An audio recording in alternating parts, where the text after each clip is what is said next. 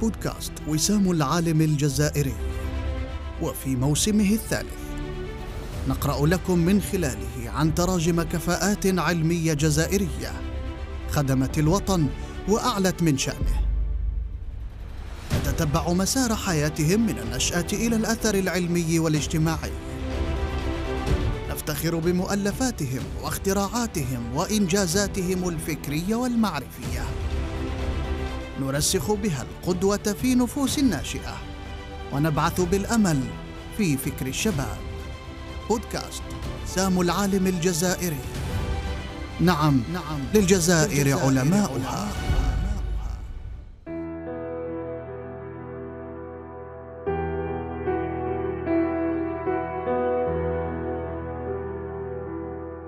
بودكاست وسام العالم الجزائري.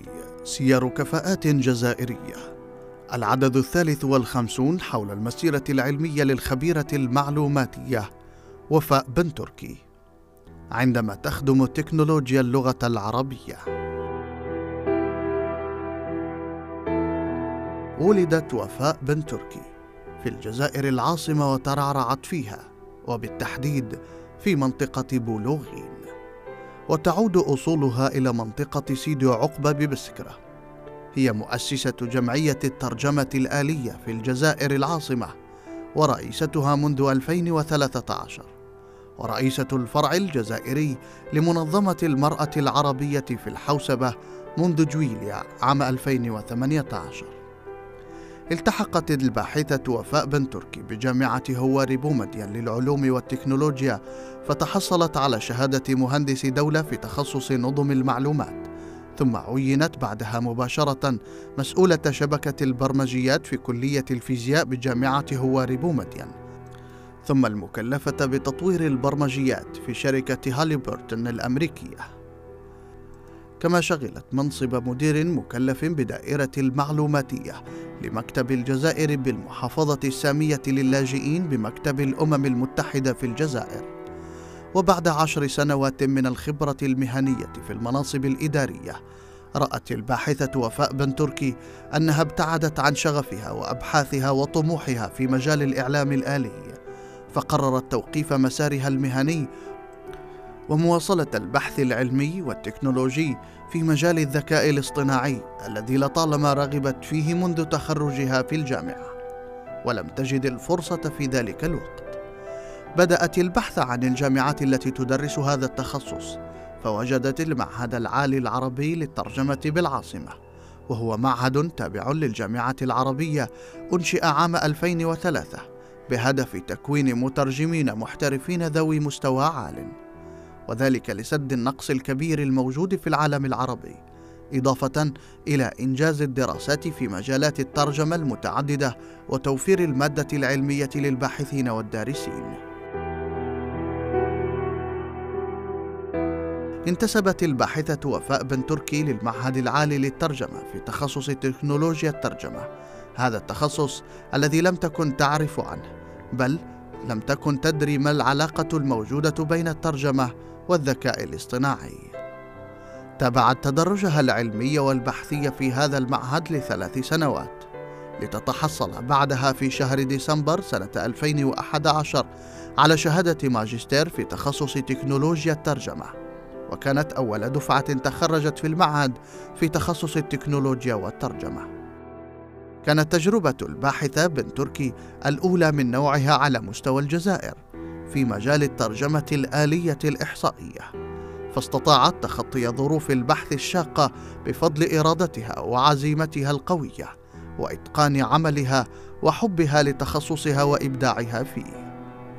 وترجع قوة تحملها وقدرتها على اجتياز الصعوبات إلى عائلتها. فتقول عائلتي كانت السند لي وشجعتني في اتخاذ قراراتي ثم دعمي عند اتخاذ القرار. لقد كانت هناك عندما كان الناس يقولون لي لا تستطيعين فعل ذلك أو عندما يقولون لا حاجة لفعل ذلك.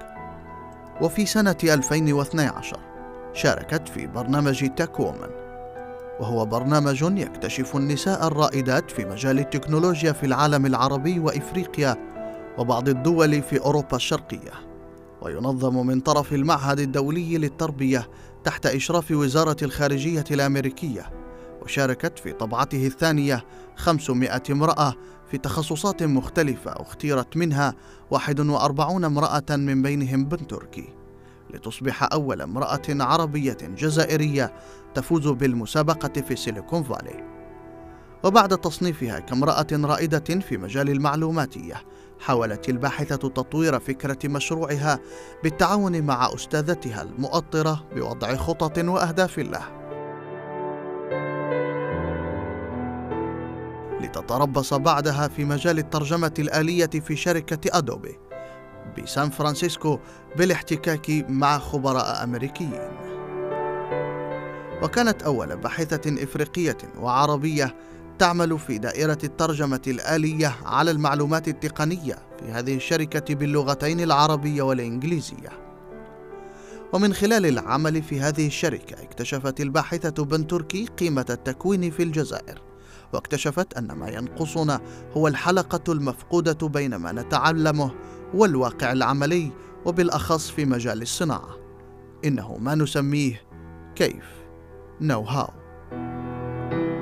ثم عادت إلى الجزائر وعملت على تأسيس جمعية الترجمة الآلية لولاية الجزائر وأشرفت عليها. وهي جمعية تعنى بالذكاء الاصطناعي.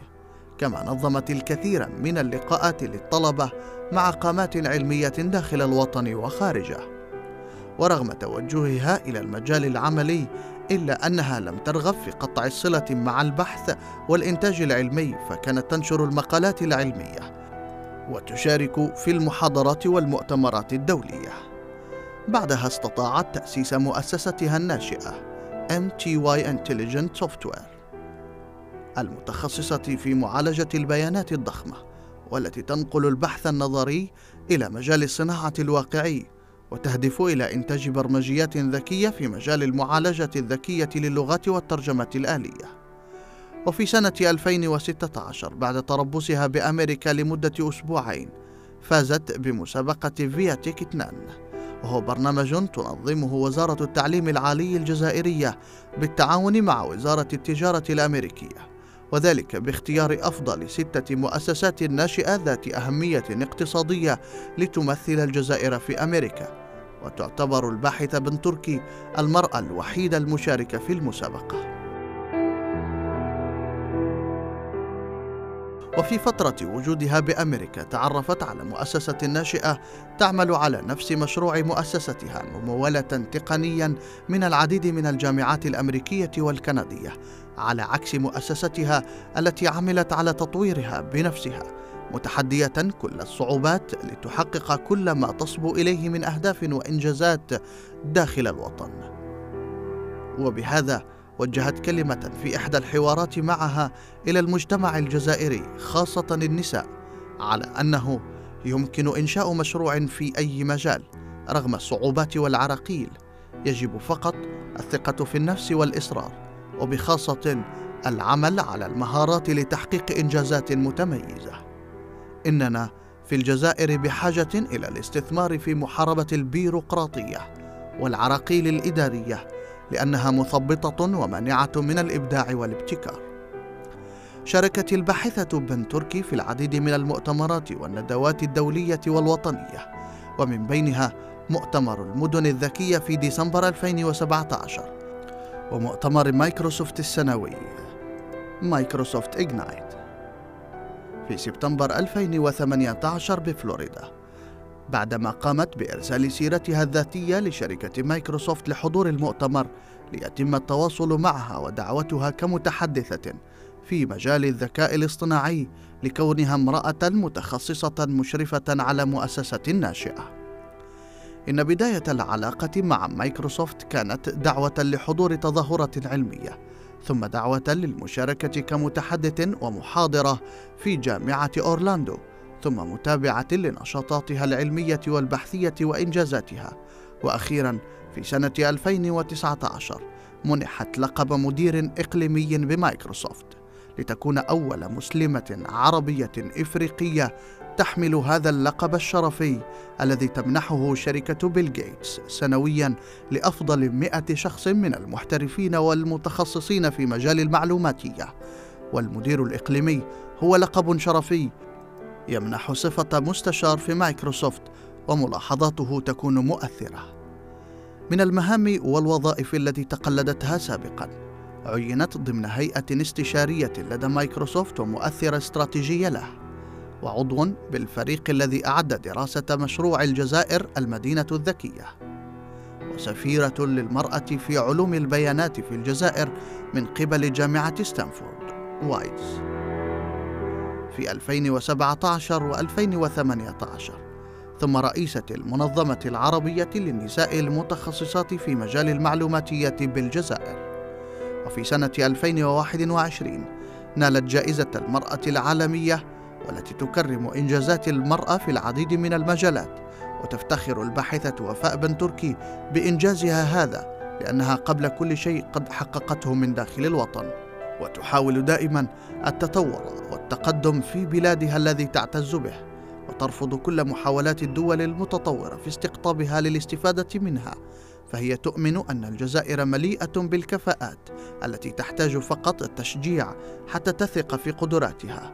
لذلك قالت بعد التكريم أحسست بمسؤولية كبيرة بعد التكريم وبخاصة تجاه الشباب الذي كان يعاني من إحباط ويأس من الأوضاع.